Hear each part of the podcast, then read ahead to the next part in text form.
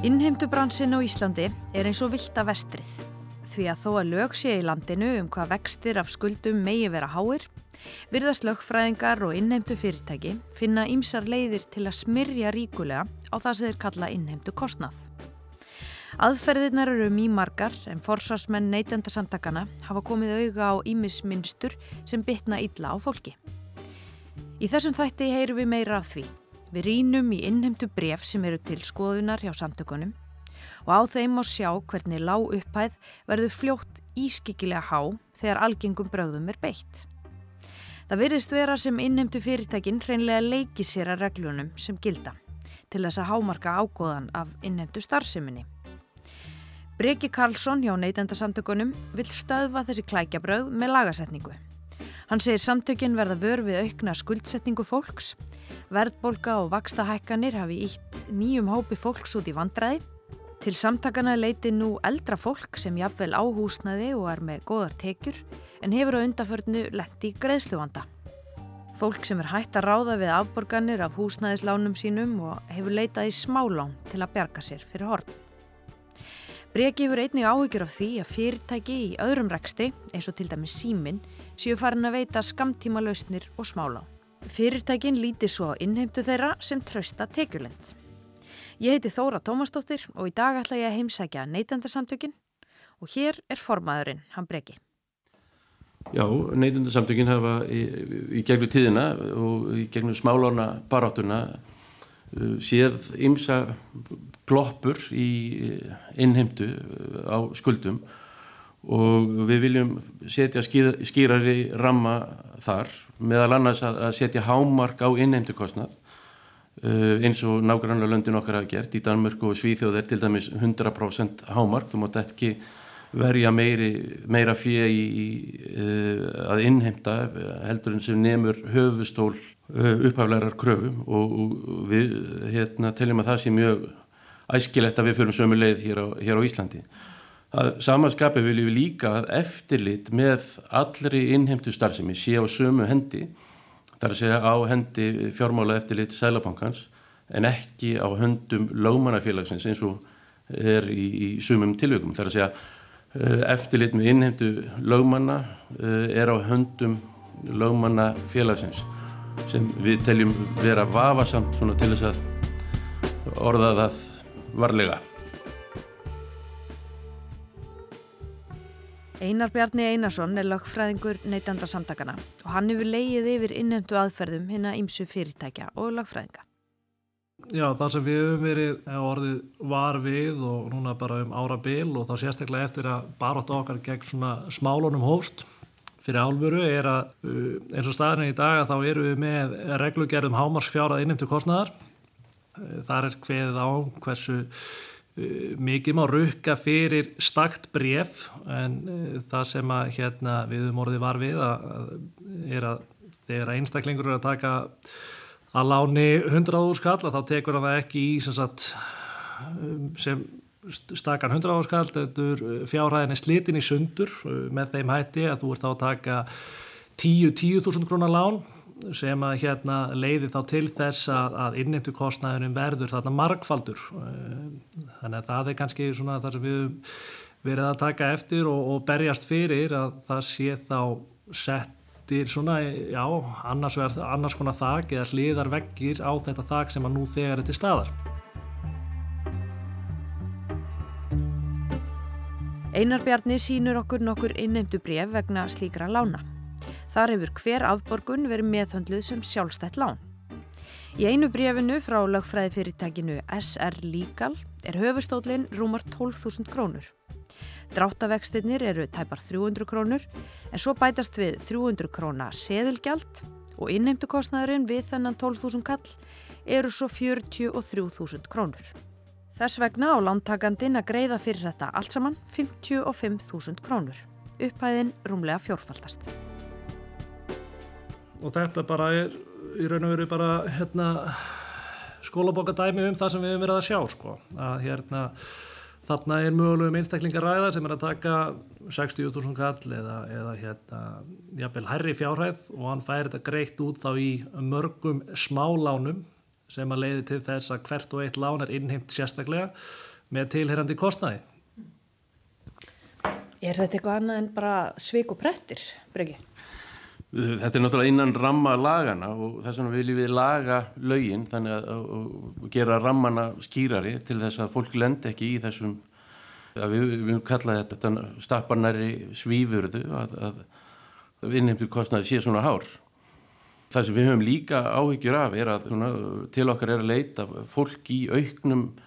vanda sem er að leita já, skamtíma lausna á kannski langtíma vanda í, í fjármálum og fjármagna sig með, með, þessum, með þessum hætti, með uh, skamtíma lánum eða, eða uh, smálánum eins og við höfum kallað þetta. Og við höfum áhyggjur af því að það eru fleiri og, og, og uh, stærri fyrirtæki að, að fara út í þennan bransa síminn tilkynnti það til dæmis í upphafi árs að, að þessi lánastar sem er ætti að verða einhvers konar kjarnastöpull í þeirra starfsemi. Við höfum áhugir af því, við hérna, höfum áhugir af þeim sem nú þegar eru markaðanum eins og, og Netgyr og Öyr og, og nú, nú Simin Pay og, og Nunu, þetta eru þessu fyrirtæki sem eru í þessum skamtíma lausnum og við auðvitað þegar að, að, að allt gengur vel og þá er, þá er hérna uh, svo sem ekki það því að, að brúa eitthvað lítið bil hérna, með skamtíma lausnum en, en þegar við erum að sjá mjög mörg dæmi um að, hérna, lán séu brotin svona upp eða, eða jáfnvel afborganir á, af lánum séu sett í, í innheimtuferðli ekki láni sjálf sko, og þá er verið að okkar mati að misnota uh, kerfið innheimtu kostnæðurinn er eiginlega orðin hluti af tekjumódili uh, þessara fyrirtækja og og við sjáum ekki að það, það, það fái staðist. Og það er ekki nema vona fólk veltiði fyrir sér hvað felist í þessum gríðarlega innheimtu kostnaði. Eins og við heyriðum í dæminu áðan þá var fyrirtækið SR Legal að innheimta 12.000 krónar skuld og saði innheimtu kostnaðin 43.000 krónur. Hversu mikil vinna liggur að baki hverju innheimtu brefi til skuldara? Það er kannski erfitt að segja nákvæmlega til um raunverulegan kostnæði en svona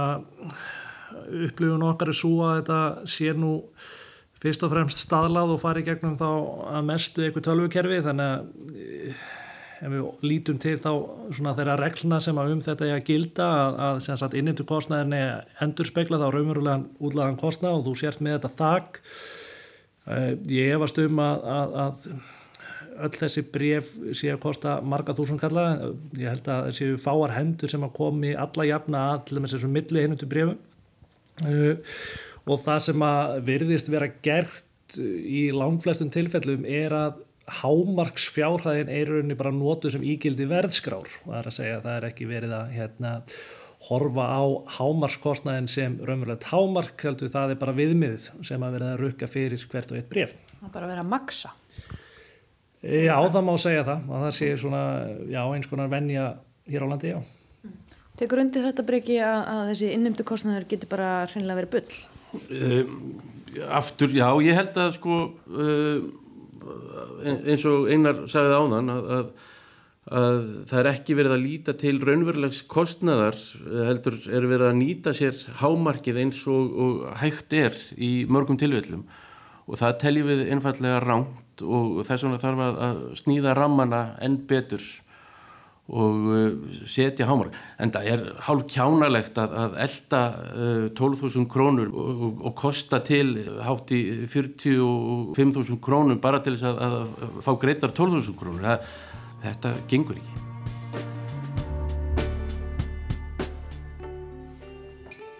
Þetta er nú lítið dæmi þar sem að höfustólinn er 12.000 krónur og endarleg greiðsla á að vera 55.000 en hvað ef við förum í stórar og háar fjárhæðir? Já, svona núna í sumarlokk eh, hefur okkur verið að, að berast uh, dæmi og hinga hafa komið, já, og fólk, sem hefum ekki séð áður hjá okkur, uh, eldra fólk á bylunu 60-70 ára gamalt uh, með góðar eignir og, og ágættar tekjur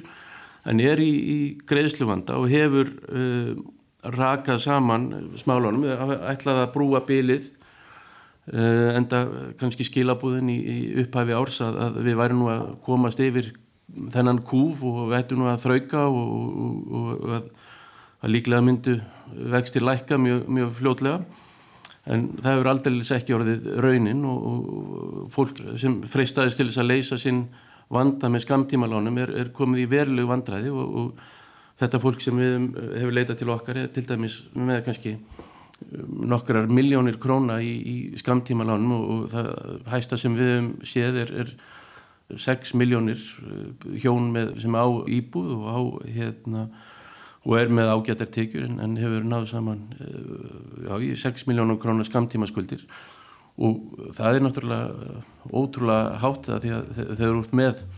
hámarksvexti á þessum lánum sem eru 35% pluss sælabankavextir þá er þetta fljótt að dýnast til sko. Breki og Einar Bjarni vara fólk við auðfengnum skamtíma lausnum sem geta haft verulega slæmar afleðingar til langs tíma. En fólk virðist einmitt vera að leita eftir því að brúa bylið með þessum já, smærri lánum sem að, hérna, er einfalt að fá.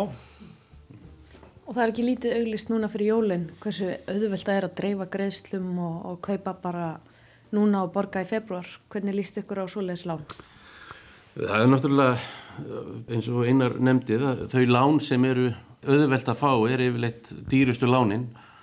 og við höfum nú tekið þátt í næjusömmum november hérna hjá neytandarsamtökunum og hvetjum fólk til næjusömmi og að, að varast það að, að kaupa hluti sem, sem það þarf ekki fyrir til þess að gangi í augun á, á, á fólki sem það þekkir ekki fyrir peninga sem það á ekki Hvernig líst ykkur á markasetningu þessara lána? Uh, þetta eru leifileg lán en, en við náttúrulega á, á móti að, að, þá er þetta yfirleitt mjög dýrlán og við hvetjum náttúrulega fólk til þess að forðast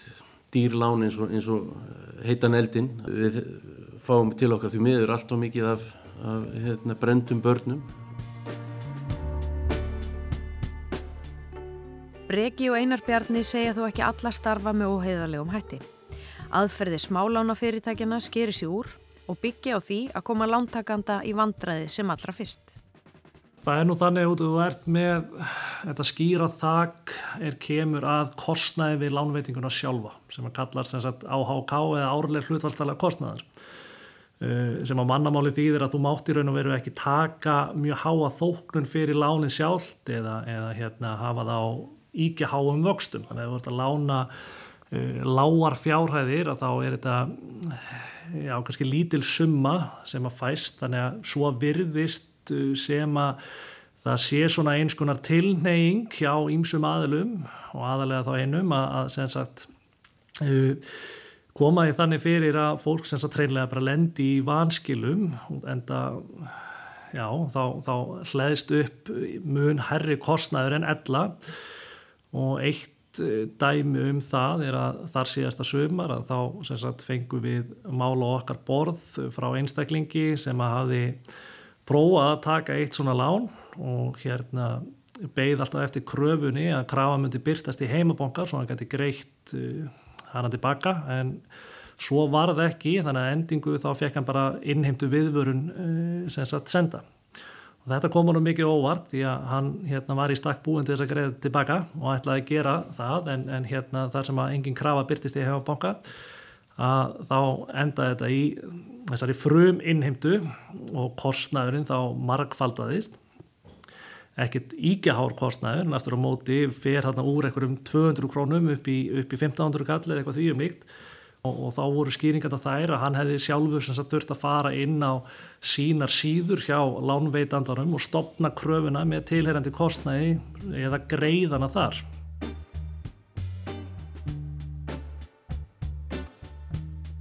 Þetta var dæmi frá smálána fyrirtækinu Nunu sem hefur talsvert verið í deiglunni og ítrekka komið inn á borð neytendasamtakana. Þetta var helst hjá okkur í dag. Innheimtu bransinn viðist blómlegur business og eins og viðmælendur okkar segja, þá er innheimta álitin tröst tekjulend hjá nokkrum stórum fyrirtækjum hér á landi. Breki segist að var skrifað undir viljayfirlýsingu með viðskiptamálar á þeirra í vor um að setja hámark á innheimtukostnað og koma eftirliti með innheimtu í skikkalegt horf. Hann býði bara eftir að lög verði sett um málið.